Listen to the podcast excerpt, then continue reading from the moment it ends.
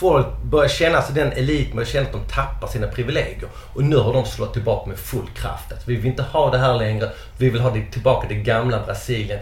Det klassindelade Brasilien där det är en vit elit som styr och resten håller käften.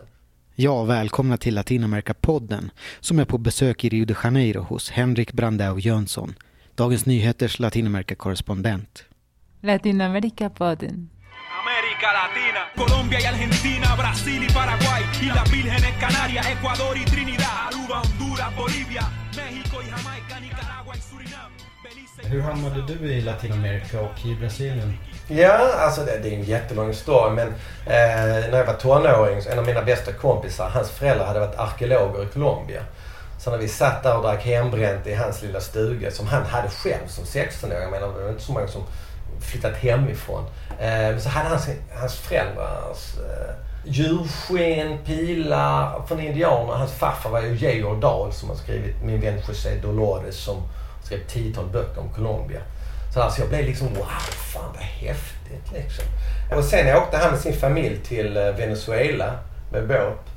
Och det var typ, eh, jag var väl 20 bast när han ringde mig. Du, jag har kommit till paradiset. Kom hit. En öl kostar 5 kronor eller något sånt där. Då jobbade jag på varuutlämning på IKEA och kände, nej men det är klart jag ska åka dit. Så som 20-åring kom jag till Venezuela. Det var precis då ett år efter Caracaso. Mm. Så, där, så det var väldigt oroligt och vi fick liksom inte springa ute så mycket. Och liksom första gången jag kom i kontakt, första gången jag var, utanför Europa. Så där, och jag blev väldigt, väldigt tagen för att på den tiden, det här är liksom 1990, man hade inte så mycket kontakt med världen utanför Europa. Så där, knappt utanför Sverige. Så, där. så jag blev väldigt tagen och, och så träffade jag något gäng som hade luffat från genom hela Centralamerika. Så frågade jag dem, vilket land tyckte ni mest om? Ja, Guatemala var fantastiskt. Så året efter åkte jag till Guatemala. Mm. Lärde mig spanska, bodde där och då hade jag, men jag hade redan börjat, jag skrev ju recenserade musik för tidningarna i Skåne så jag hade liksom redan något slags skrivande igång. Och då började jag skriva, jag gjorde mitt första reportage för Guatemala. 1991. Som handlade om Lion som skulle ge glasögon till fattiga urfolk. Jättekonstigt så, men ja. Så här. Men eh, det var första storyn och sen eh, blev jag hooked på eh, Latinamerika. Och följde det i media och sånt här. Var med i Latinamerikagrupperna och, och så. Men sen, sen träffade jag en tjej som inte säger någonting helt annat. Och så, så blev det Mellanöstern för mig. Så jag läste arabiska, Mellanösternkunskap. Och trodde att jag skulle bli korre i Mellanöstern. Men eh, nej, det kändes inte riktigt som att det, var kul. Så att jag, jag lämnade det och så jobbade jag på Expressen och så efter tre år bara tröttnade jag på det. Eh, fick jobb på Kulturdepartementet.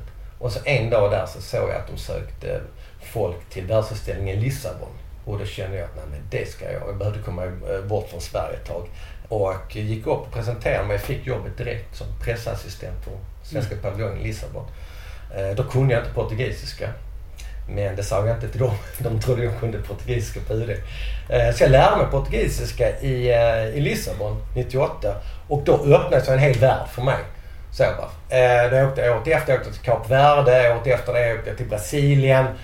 För det fanns liksom inga svenska journalister som, som, som pratade portugisiska. Så när jag kom hit till Brasilien fanns en journalist här. Mm. Eh, Lennart Palmeus på Dagens Industri. Mm. Och det var ju precis då liksom när eh, slutet på Fernando Cardoso Henrique, när Lula var på gång. Så att jag ringde ju runt i tidningarna och fick napp då på GP, på Sydsvenskan och Politiken i Köpenhamn om att täcka Lulas val. Mm. Eh, och sen eh, när han väl vann så blev det liksom en sån stor grej då 2002 att de här tidningarna ville ha fortsatt bevakning av Brasilien. Jag var liksom, hade inte gift, hade inte barn i Sverige så jag tänkte, nej men det är klart, då flyttar jag till Brasilien. Så. Eh, och då träffade jag min fru och fick barn och sen har det bara hållit på. Så att jag har liksom täckt hela den här, ska säga, Brasiliens uppgång och fall på något sätt. Lula gick så jävla bra för Brasilien. Hans självförtroende var ju högt så här. Och nu tyvärr så är vi nere i en ganska deppig period. Men eh, det var inte så att du, de frågade dig om du kunde portugisiska och du la till en vit lögn om att jag visste?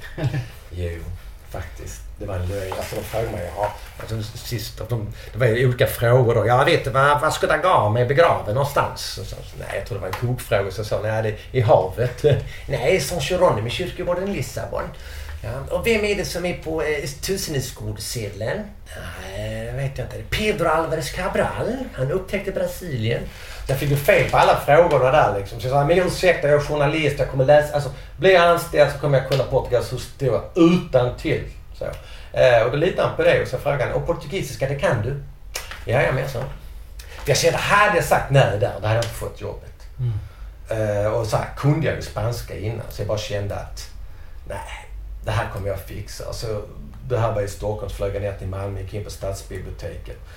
Och så var det då, det fanns ju fortfarande kassettbandskurser, så jag tog en kassettbandskurs på, portugisiska. Och så körde jag det varje morgon. Så det var, vet man bara får in, det är uttalet som är det jobbiga med portugisiskan, framförallt den europeiska portugisiskan. Men när jag väl fick in den, sen, sen funkade det liksom. Så när väl världsutställningen öppnade och svenska paviljongen öppnade så var jag den första som tog emot där. För att jag blev liksom mobbad av de andra som hade fått- jobb på paviljongen. För de hade ju liksom studerat portugisiska, de kunde det flytande. Så kommer jag dit där ska ha ett ansvarsfullt jobb, kan inte språket.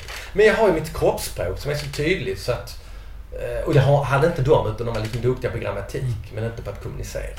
Så att eh, jag tror inte UD ångrar sig att de anställde mig.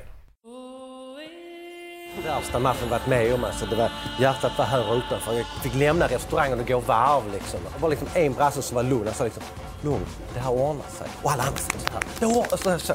Nej, det var helt, alltså, jag var helt slut efter. Jag har blivit förkyld nu för all energi har liksom gått ur kroppen. Och jag är hes fortfarande. Alltså, det var en sån urladdning.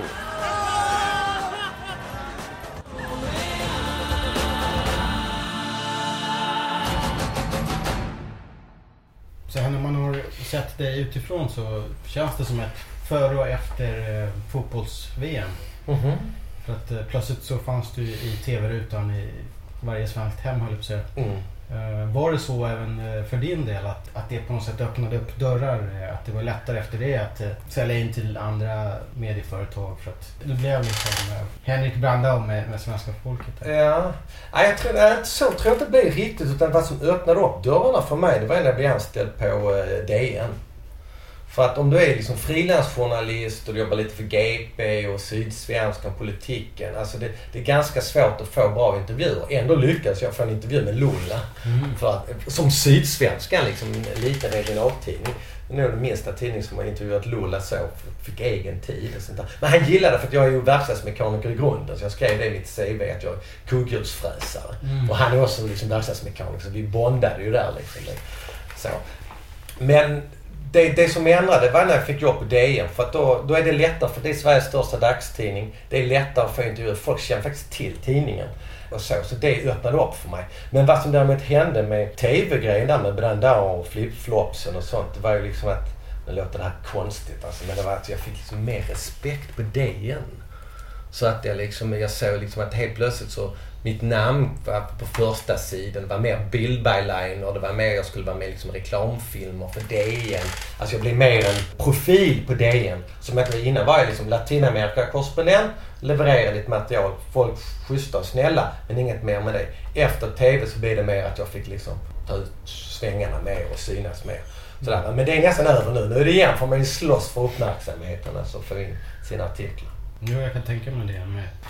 Efter de här stora mega-eventen så är det ju inte längre självklart ett Brasilien-intresse utan det är mer att du får sälja in idéer antar jag. Ja, men, men faktiskt. Jag har en rätt bra redaktion i, i Stockholm och eh, det här med Temor och Dilma, det tände de faktiskt på. Så det har jag skrivit väldigt mycket om. Eh, för det är också ganska tydligt, man, en gubbsjuk, alltså 76-åring avsätter en kvinna. Det finns en större story där bakom. Sen är det ju fortfarande så att den storyn, den liksom inte, alltså det är svenska folket som inte riktigt har tagit den till sig riktigt. Alltså den, den skulle ju kunna vara, jag menar det som har hänt i Brasilien senaste året, hade detta hänt, det är, det är Trump. Alltså det är Trump vi har haft här i Brasilien nu i ett år. Hade det varit så, eh, eh, alltså han den uppmärksamhet som USA får med ett på Brasilien så hade man haft en ännu bättre story. Lavachat-utredningarna. Det var en, en domare som dog också i flygolycka. Det är, alltså, det är, det är som man har levt i en film här. Va? Det är ett jättespännande drama men så djupt har jag liksom inte fått, tyvärr fått skriva om den här konflikten här nu.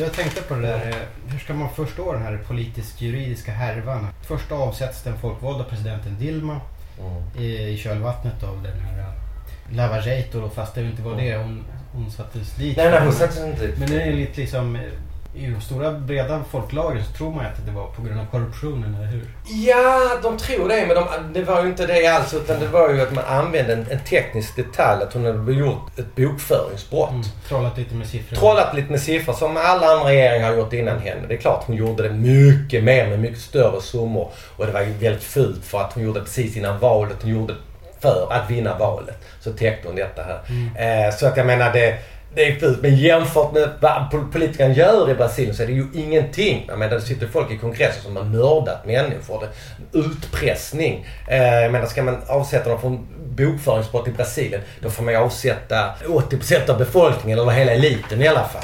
Alltså det är ett väldigt vanligt brott det är ju pinsamt att man använder för att man menar det var eliten som demonstrerade mot henne och de sysslar också med bokföringsbrott. Trillar med skattefuskar och, och, och har sig. Men de man ville bli av med henne och i hennes fall var det faktiskt, jag tror inte det är sant. Men det var faktiskt att hon var kvinna. Alltså man hade aldrig, hade Lula suttit kvar och gjort exakt samma sak bokföringsbrott. Han hade aldrig gått. Utan det fanns ett hat, dels mot vänstern, dels alltså mot arbetarpartiet. Men även det att hon var kvinna. Eh, och sen också att hon inte var den typen av brasiliansk kvinna. Hon är ju, hennes pappa är från Bulgarien. Hon är, jag har ju träffat hennes gamla vänner från universitetstiden. Hon var rätt tråkig att hänga med. Det var liksom inte den här häftiga brasilianska, ah, hallå läget, nu träffas vi här. Utan hon, alltså när de hade sina möten på universitetet, hon var 16 år, då hade hon dagordning. Man skulle göra det och det och man skulle komma dit och man hade uppgifter. De andra ville liksom röka maja och hångla och demonstrera men hon ville liksom så här. Eh, och det stred ju också mot, jag menar även folk inom arbetarpartiet gnällde på henne för att hon hade inte den här chechingon som vi har i Brasilien. Det här sättet att man svingar på höfterna, man fixar saker. va. Utan hon ville, nej, vad är det här, nu ska vi ha det och det. Så egentligen var hon bra president på det sättet. Men hon var för obrasiliansk. Sen så döms den folkkära ex-presidenten Lula till, jag vet inte hur många års fängelse. Och nu har vi en ny riksåklagare va, som, som säger att nej, nu är det inte tid för att eh, åtala Temer utan nu är det dags för någon slags nationell samling. Här. Och det känns som man behöver inte vara speciellt konspirationsteoretisk för att misstänka att, att det är någonting lurt bakom, bakom det hela. Så det känns som att eh, mäktiga vinstintressen har slagit på sina påsar ihop för att, eh, och konspirerat mot arbetarpartiet och mot miljövänner, mot småbrukare, mot urfolken. Är det en konspirationsteori?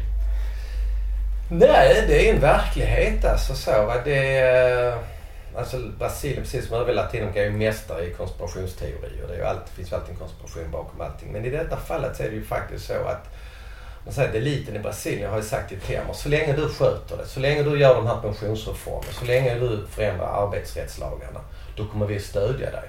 Eh, och varför vill man förändra det? Alltså det är klart, arbetsrättslagen behöver förändras, pensionsreform behövs göras. Men han gör det på ett sätt där han fråntar militärerna, som är de som liksom... En ogift dotter till en eh, general får pension. Alltså hon behöver aldrig jobba hela sitt liv. Hon kan liksom gå på universitet så länge hon inte är gift det finns flera sådana i Rio. De bara liksom går omkring och lever. Vad är din pappa? Ja. Behöver inte vara general, kan vara löjtnant. De har gett Temer liksom ett frikort. Men med villkor att fixa detta här. Fixar han inte det kommer han att ryka direkt.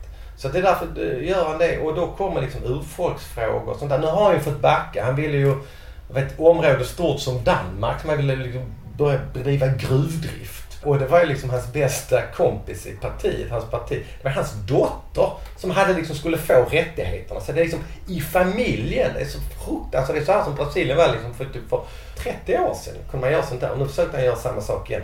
Men det han backade faktiskt igår. Så att det blir ingenting. Va? Och, det konstiga, det, det som jag tror som fick honom att ändra sig, det var ju inte de sociala rörelserna utan det var ju Gisele Bündchen.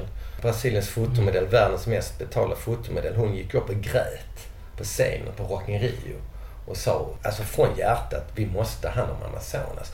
Du vet, då har hon hundratusen människor framför sig.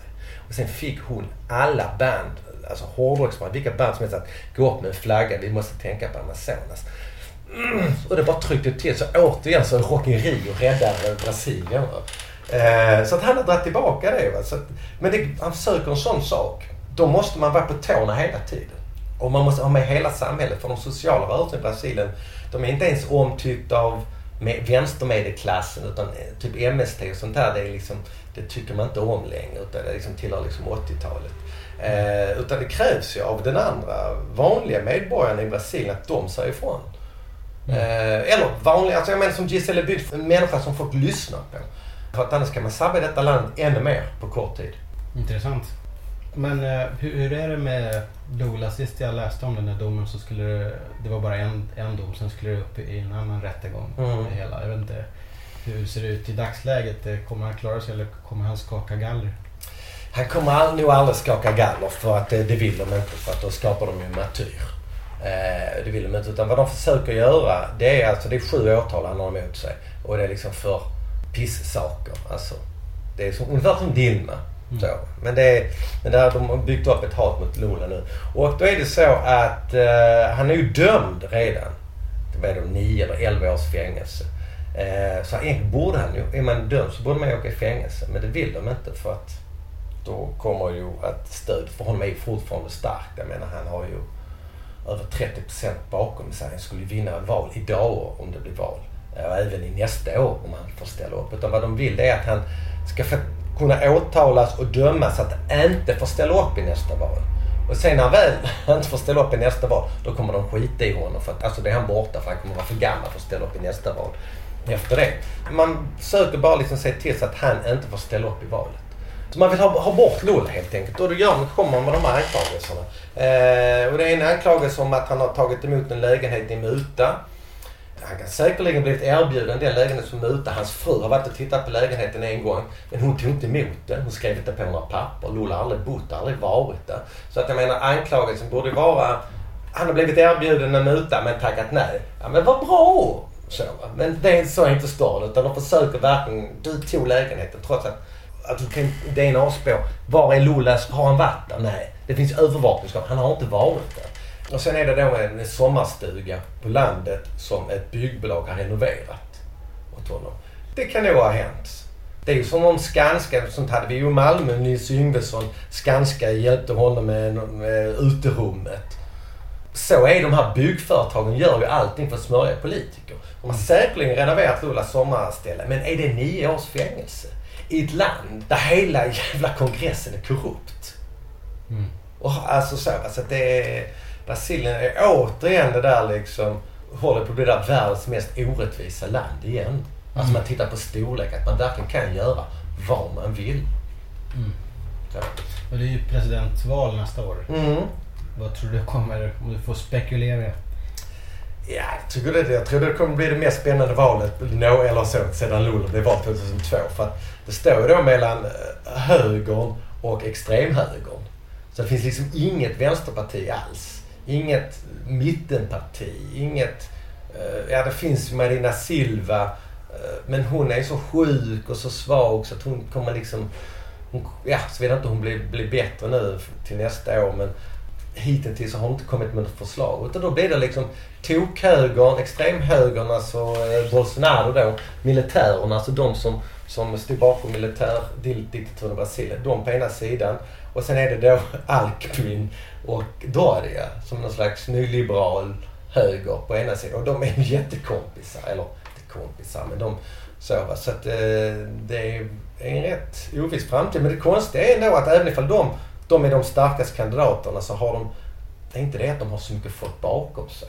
De leder ju inte opinionsundersökningar men i och med att det inte finns någon annan så, så är de uppe. Men så fort om det skulle komma upp någon annan så tror jag liksom stor del av befolkningen eh, kommer att välja den personen för att folk är inte så höger som de här människorna är.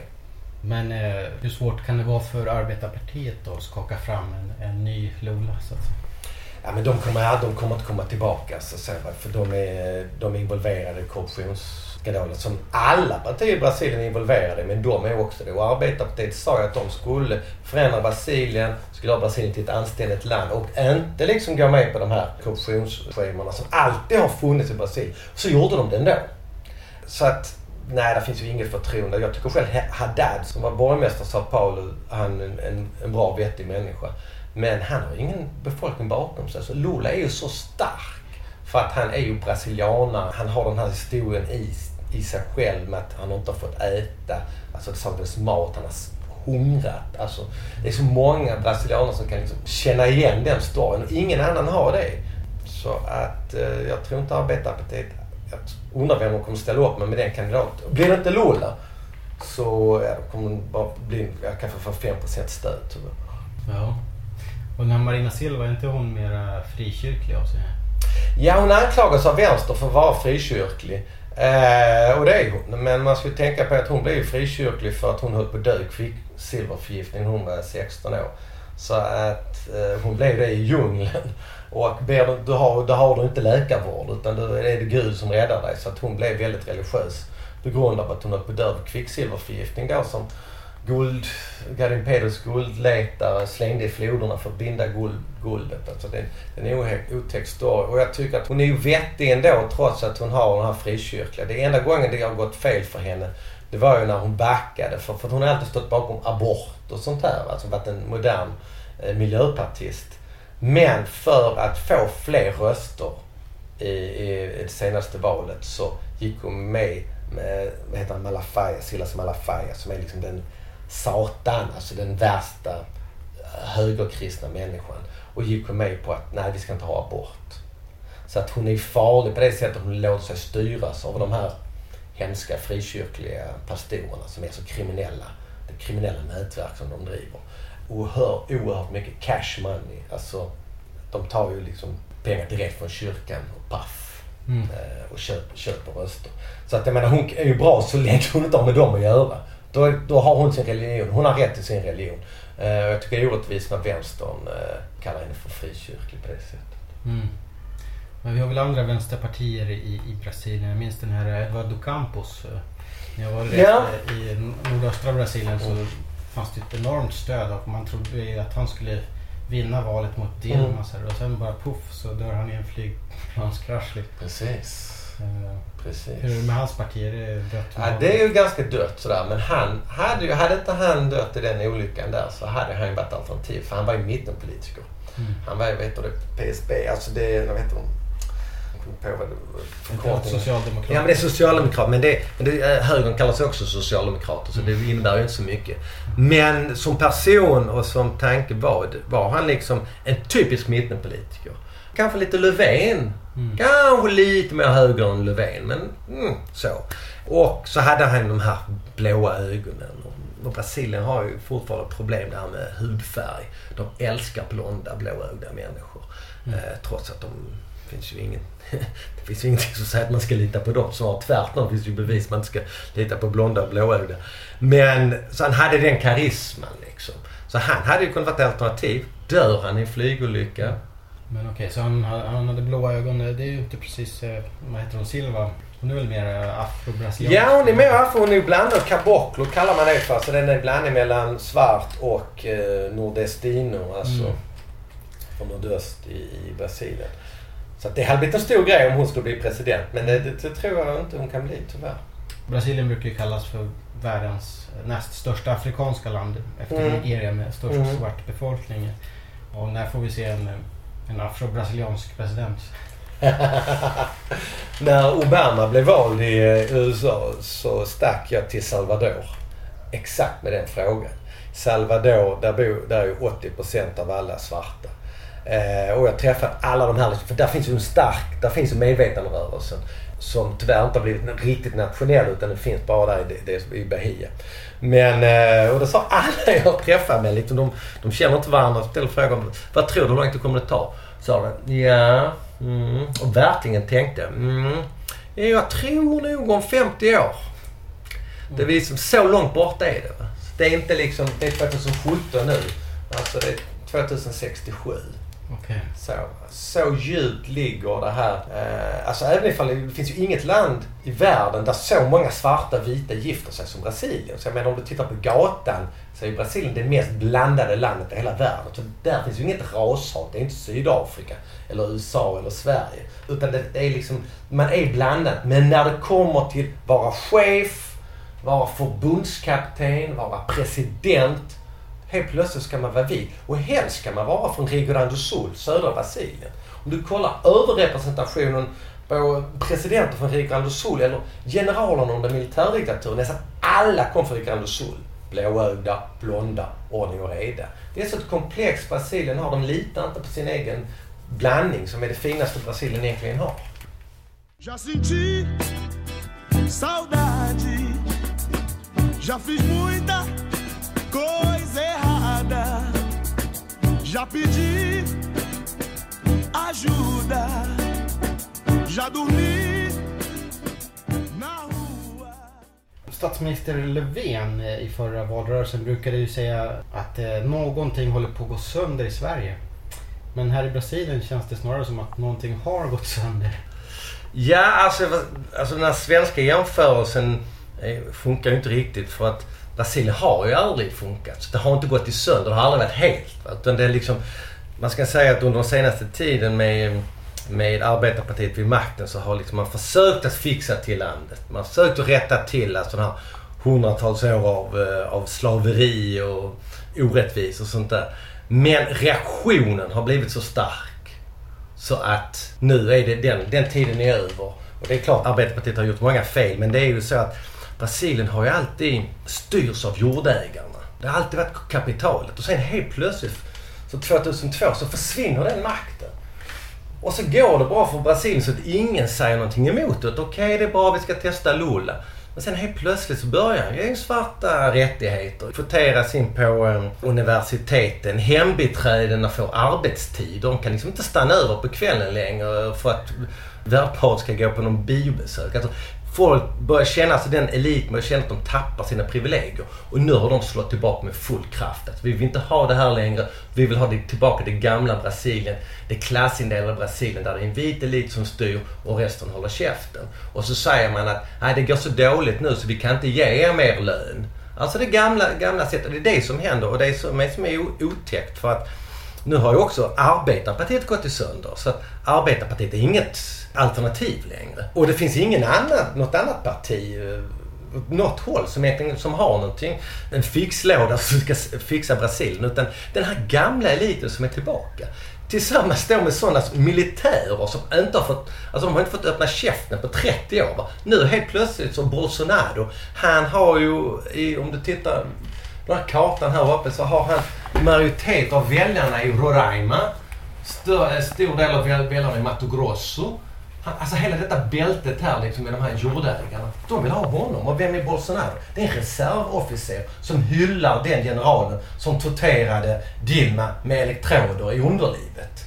Och han öppet står och säger det att Nej men han tycker att vänsterkvinnorna, de borde våldtas i kongressen men i och med att de är så fula så behöver man inte våldta dem. Och det står han och säger.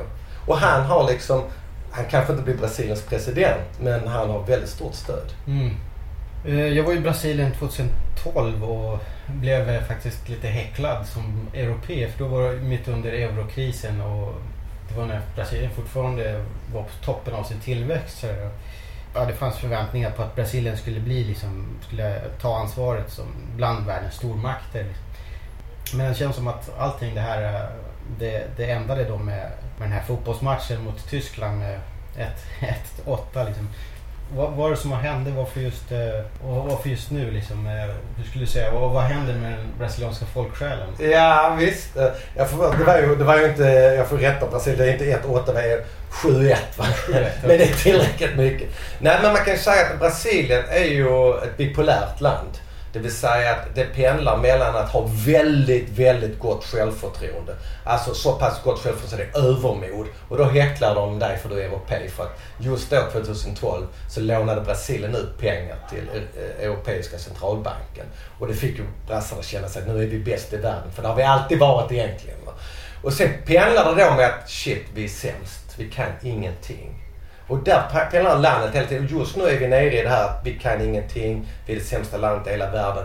Vi kan inte ens få ordning på avloppen och så. Och det, den här pendlingen, det tar så jävla mycket kraft i, i det här landet. Så att det gör ju också att det liksom inte kommer framåt. Men jag menar, Brasilien har ju potentialen att bara bli ett i-land. Jag menar, Brasilien och USA, liksom, det är nästan samma sak. Det är bara det, eh, den här med borgarrättsrörelsen i USA på 60-talet, den har ännu inte börjat i Brasilien. Jag menar den är mer än 50 år försenad. Eh, många andra viktiga saker har heller inte börjat. Men får man ordning på det, vilket Brasilien var ju på väg för ordning på det, då blir man det här stora landet. Men som det är nu så har liksom, vem vill investera i Brasilien? Man vet inte vem som är president imorgon. Man vet inte vem som är talman. Man vet inte vem som är Högsta domstolens ordförande. Alltså, Högsta dom, vad som har hänt nu detta senaste året sedan Dilma blev avsatt, det är att Högsta domstolen har politiserat. Så de arbetar ihop med presidenten. Vilket, jag menar, det är grundläggande i en demokrati. Du måste skilja på det. Alltså Colombia, andra länder i Latinamerika har faktiskt gjort det. Att man, man skiljer på det även i Centralamerika. Men i Brasilien, det största och och ett av de vackraste länderna på kontinenten, har inte gjort det. Nu arbetar de ihop. Och det är liksom inte så att folk gnäller och man träffas och demonstrerar varje fredag för att det händer. Utan man accepterar det. Och då gör det ju att den här brasilianska drömmen om att bli världens femte största ekonomi, den, den är långt borta nu. Så, För att det, det funkar inte. Até algum tempo eu jurava.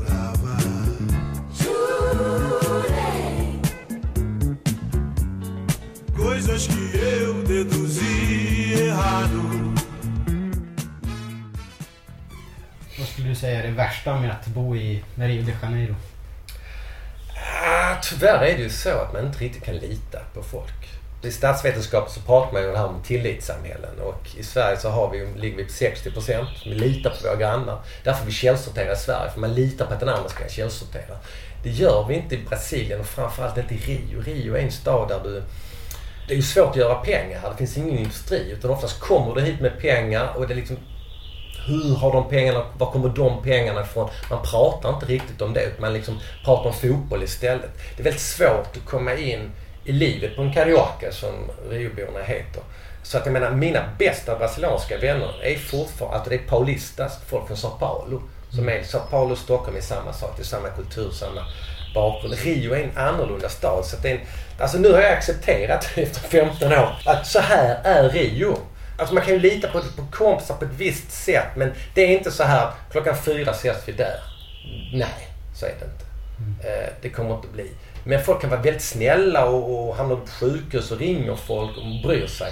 Men det är, ett, det är en stad som är lite eh, kymig sådär. Den är lite annorlunda. Det är, har du pengar då får du mycket vänner. Alltså, det är liksom inte sådär. Sao Paulo är liksom helt annan. Det är en vanlig kapitalistisk stad där det bygger på utbud och efterfrågan. Tid är pengar, vissa saker som vi är uppväxta med. Brasilien är ju feodalt. Så att liksom, det har inte nått, det är inte kapitalistiskt på det sättet. Denna kapitalismen kallas för vrålkapitalism alltså, som finns här. Men det är, det är lite jobbigt med Rio. Och så det är jobbigt att se min dotter växa upp i detta här. Eh, alltså hon får så mycket annat gott också från Rio. Jag menar, Rio älskar ju, Riobor karaoke, älskar ju att prata. Du får igång ett snack direkt. Du, du är aldrig ensam, men det är alltid ett leende. Alltså, det är mysigt. Jag har precis varit i Sverige en månad. Man blir ju livrädd. Folk ler ju inte åt varandra. Det gör man här. Så att jag menar, kan man bara acceptera det att man, nej man kan inte lita på alla utan man har liksom typ tre, fyra bästisar, nära vänner. Vilket egentligen jag hade i Malmö också, i Sverige. Så att jag menar, accepterar man det, då är Rio helt fantastiskt. Då skulle, alltså, jag skulle inte... Svårt att tänka mig en bättre ställe. Så. Men sen är det det här också, det politiken. Nu är det en pingstpastor som styr staden. Och enda anledningen därför han sköter sig någorlunda bra, det är för att han har också en dröm om att bli eh, president. Och då han visa upp att han har skött Rio. Och har man skött Rio bra, då kan man bli president var som helst. Så. Och han har då dragit ner budgeten till karnevalen, nästa karneval, med 50% Det är inte 5% det är inte 10 det är inte 5 det är 50% Det som är, Rio är mest känt för, det drar han ner på. För att pingstvänner gillar inte karnevalen. För det är lite naket, det är lite öl, det är lite dans, roa. Alltså de, de hatar egentligen karnevalen. Så då har han liksom gått sina pingstvänner till, till mötes och halverar budgeten. Så att, jag menar, i Rio, vad, vad tror du? Det är det största varumärket i den här staden. Utan karnevalen hade vi aldrig fått OS eller något sånt här. Hur har det tagits emot då? Att han var av Rioborna, av Cariocas? Ja, alltså han stod då mellan eh, en vänster, en marxist, en, en historielärare som är lite flummig men väldigt vettig så här. Min, min fru har gått på universitetet med honom, superbra. Men han, hade liksom lite svårt att förklara vad han ville göra med Rio. Han ville liksom bjuda in samhället till en dialog. Och, eh, en stad där folk skjuter man med maskingevär. Man är trött på dialog, man vill ha handling. Och den här pingstpastorn han sysslar ju med handling. I alla fall under valkampanjen. Eh, sen tog det slut. Så att folk vågade inte rösta på honom så han fick, vänsterkandidaten fick 35 procent och sånt där. Så tog pingstpastorn resten.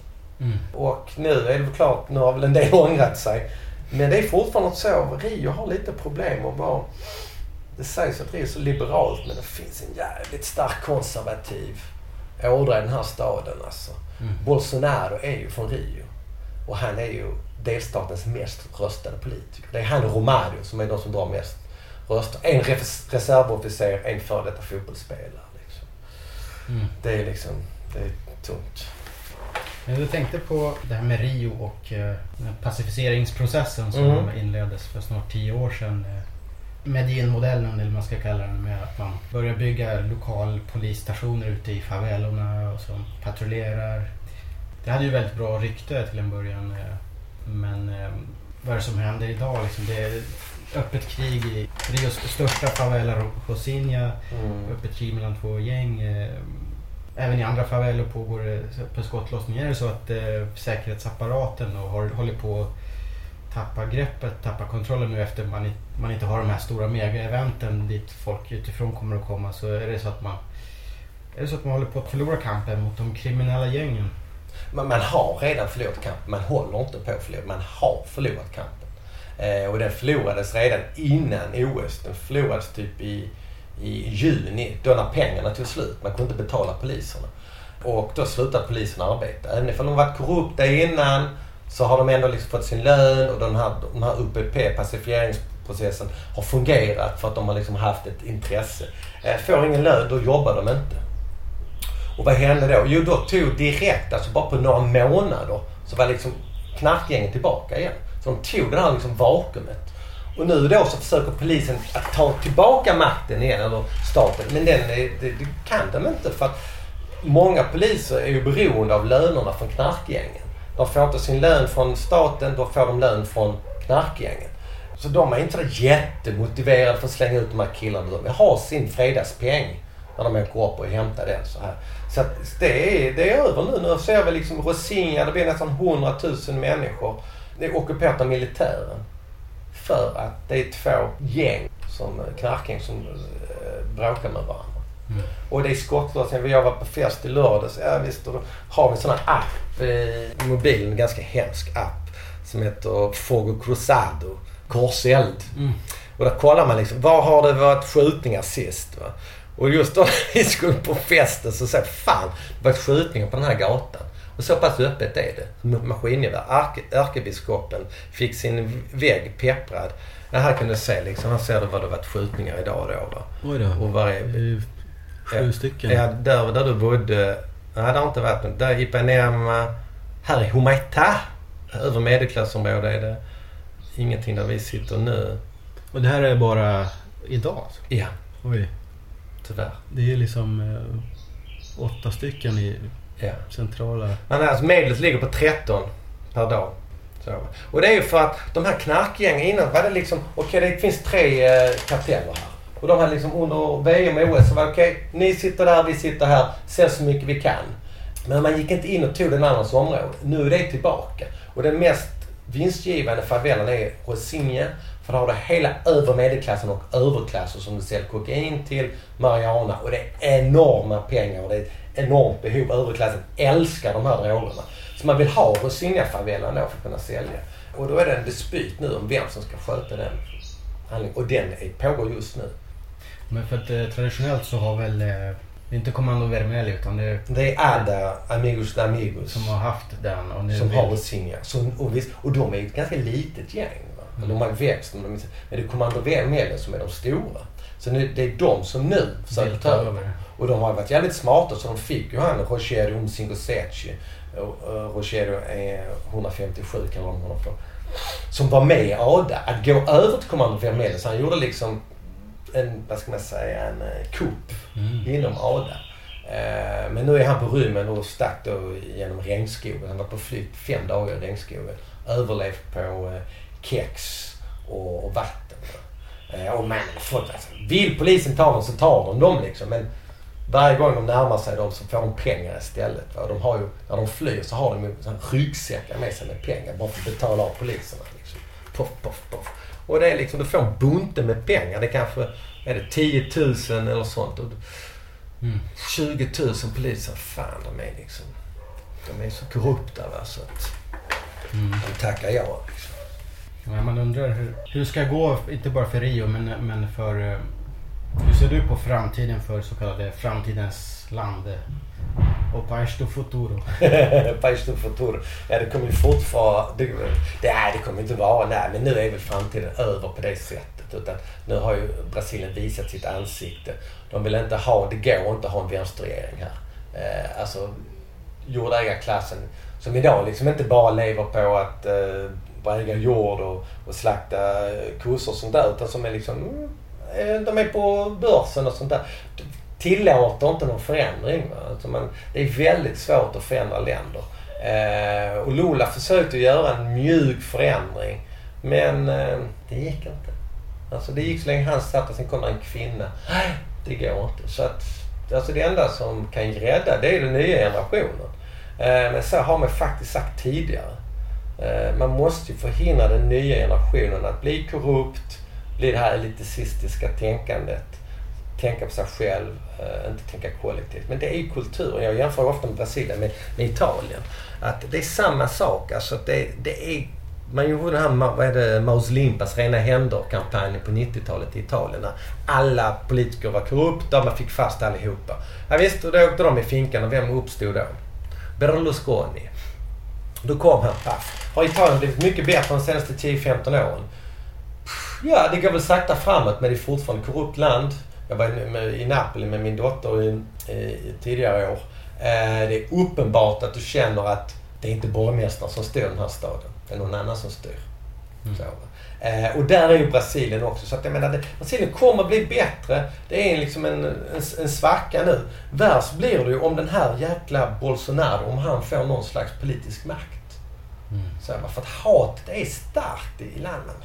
Börjat igen några jävla svarta... Va, va, va. Man tittar på eh, sociala medier. Va. Det finns ett jävla hat i det här landet som är helt onödigt. Det här är ett av världens vackraste länder. Man ska bara njuta och ha det bra. Liksom. Och så rätta till de sociala orättvisorna. Istället så tänker alla bara på sig själva.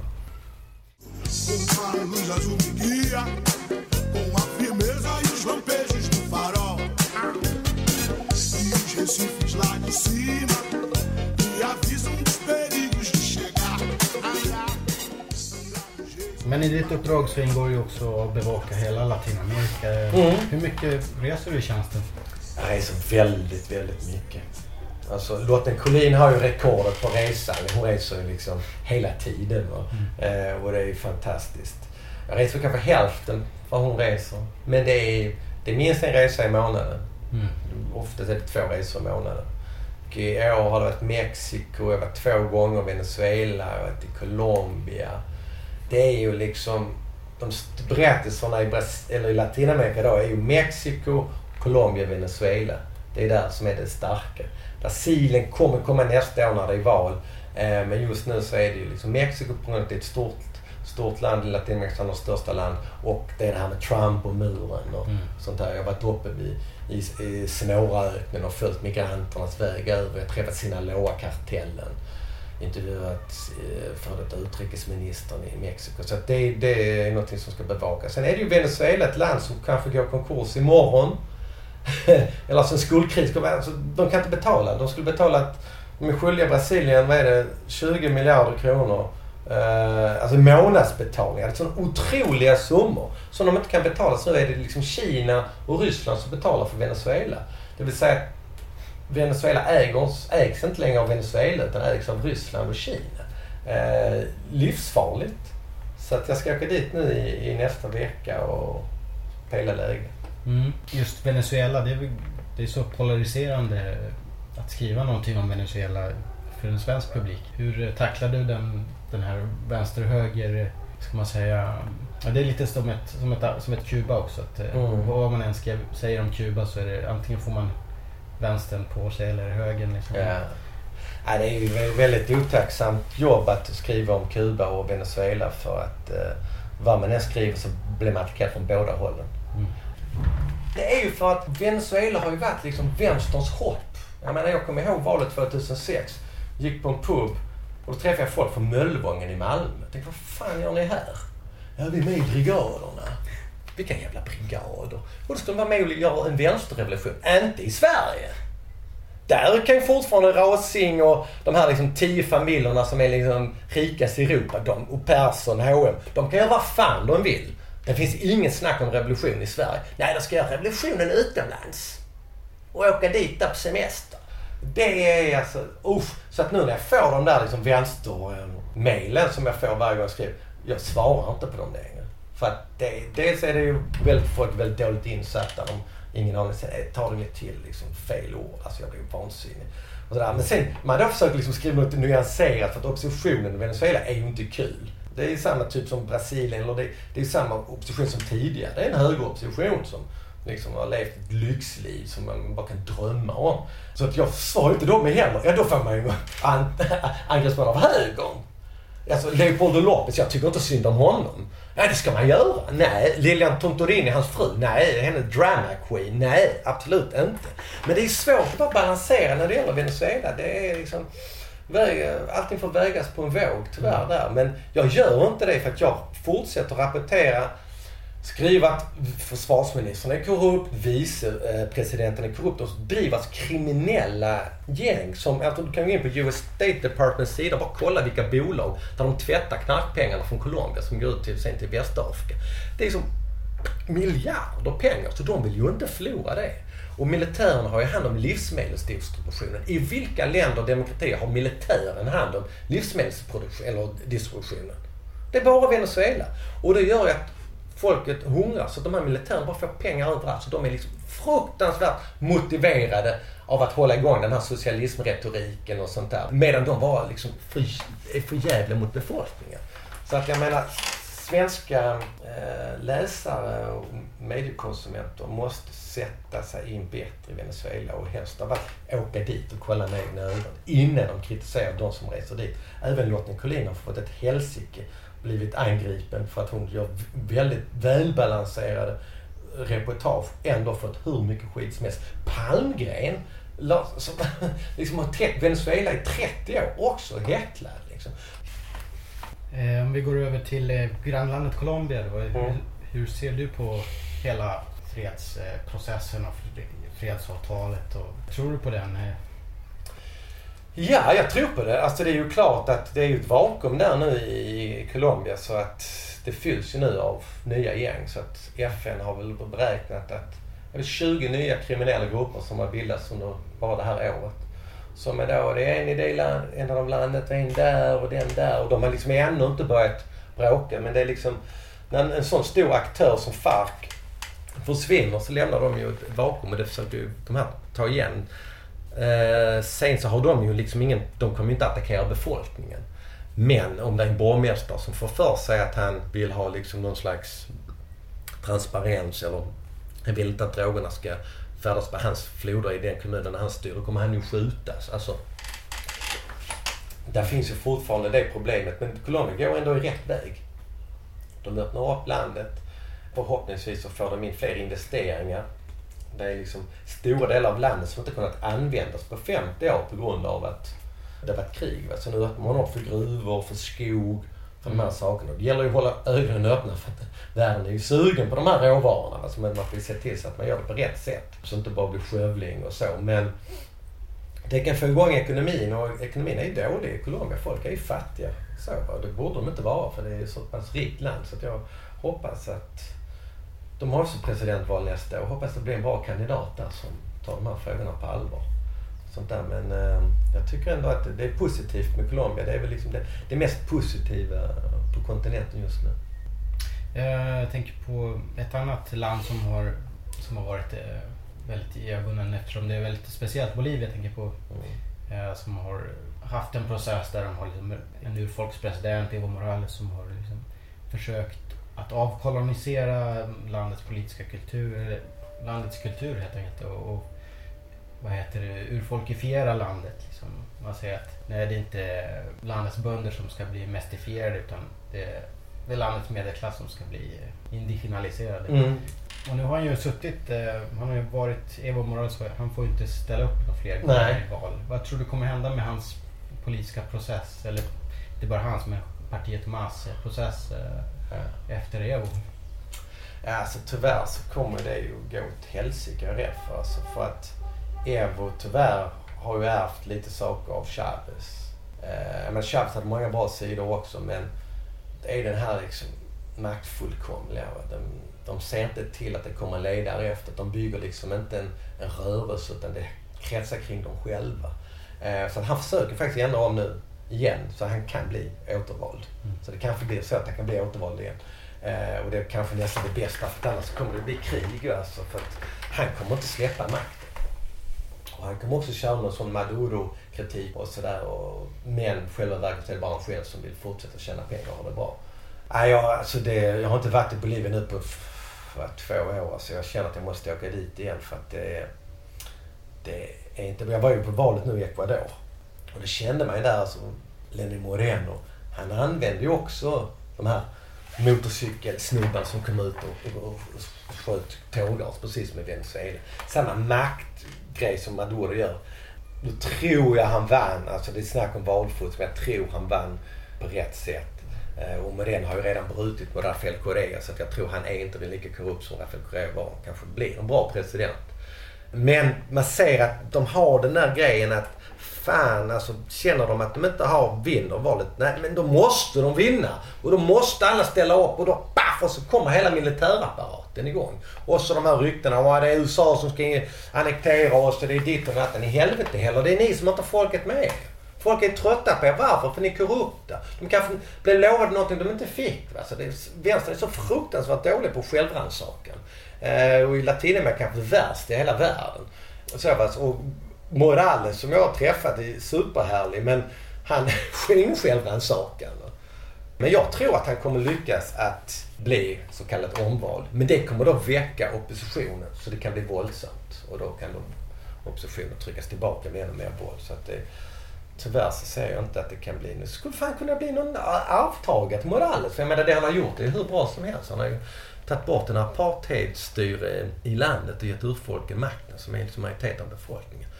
Men misslyckas med att hitta en, någon arvtagare. Jag vet inte, jag har inte förberett några fler frågor. Nej.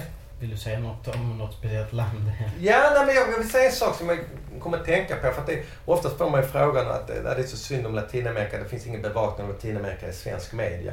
Men jag får ju faktiskt säga att nu, för första gången på kanske 30 år, alltså sen, sedan Nicaragua på 70 och 80-talet, så har vi den bästa bevakningen av Latinamerika i Sverige. Vi har tre fasta korrespondenter på, eh, på kontinenten som täcker in de tre olika medierna. TV, radio, skrivande, tidning. I de tre största länderna i Latinamerika, Brasilien, Mexiko och Colombia. Jag sitter i, i Rio, Lotten sitter i Bogotá, Tigran sitter i Mexico City. Det är liksom helt fantastiskt. Så. Ändå så kan folk säga åh det är ingen täckning av varit i svensk media. Jo det är det, va? är det visst då. Vad som egentligen saknas nu det är ju liksom konsumenterna. Alltså både jag och Tigran Lotten vi är ursugna på att jobba och på att resa och på att berätta men vi behöver liksom plats. För att jag menar för att jag ska få in ett Venezuela-jobb eh, i tidningen så måste jag övertala och jobba på. Men om mina redaktörer får dagliga mejl från läsare. Jag vill ha mer Venezuela, ni har inte förklarat detta. Varför skriver ni bara om orkaner hela tiden? Jag vill ha mer politik. Jag menar, de här istället för att sitta liksom eh, i Sverige och hacka ner på Palmgren och mig och Lotten och sådär. Skriv till tidningarna. Kräv mer Latinamerika. Framförallt i Sveriges Television. Tigran får liksom han sällan göra nyheter. Det är klart, nu var det jordbävningen. Men han får liksom göra om trafikpolis, kvinnliga trafikpoliser och sådana lite kittlande ämnen. Men, eh, och det är ju jättebra. Men han ska ju få göra mer. Så, mer plats. Man ska, det ska finnas en nyhetsbevakning. Och det finns det inte i TV utan det är bara paff om det är jordbävning eller sådana här kittlande. Så. Raden är ju exceptionell. Lotten är ju fantastisk. Hon, hon har verkligen sett till så att Latinamerika kommer in mer eh, och, och lockar in fler. Men det behövs ännu fler. Så att jag menar, vi tre är på plats. Det är bara liksom, nu är det konsumenterna som måste höra av sig och se till att kräva mer Latinamerika från sina, sina medier. Mm. Det låter som ett bra sätt att avsluta. Tack Henrik Brandao Jönsson för att du var med i Latinamerika-podden. Tack! Obrigado! Obrigado. Du har lyssnat på Latinamerika-podden som i det här avsnittet gästat Riobon Henrik Brandao Jönsson. Och i podden hördes också sång av en annan Riobo, den brasilianska soulkungen Jim Maya. Jag är säker på att en del lyssnare reagerat över Henriks beskrivning av Venezuela, som ju är ett land som engagerar och polariserar. Men i nästa avsnitt av Latinamerika-podden så får vi höra Francisco Contreras om just Venezuela. Och då kommer nog en annan bild att visa sig. Missa inte det. Samtalet med Henrik Brandao Jönsson spelades in den 25 september 2017. Latinamerika-podden produceras av mig, Larry Honkanen, för Latinamerika-grupperna. Och du som är intresserad av Latinamerika, folkbildning och rättvisefrågor, gå med i Latinamerika-grupperna BUMS. Latinoamérica-grupperna. Det kostar bara en 20 i månaden. Perú y pa' Venezuela, Costa Rica y Panamá, Guatemala, El Salvador, Chile y Uruguay, Colombia y Argentina, Brasil y Paraguay, y las Vírgenes Canarias, Ecuador y Trinidad, Aruba, Honduras, Bolivia, México y Jamaica, Nicaragua y Surinam, Belice y Curazao, y Quisqueya. Desde mi Borinquen Bella y mi Cuba, ¿dónde está? y esto tiene que parar ya.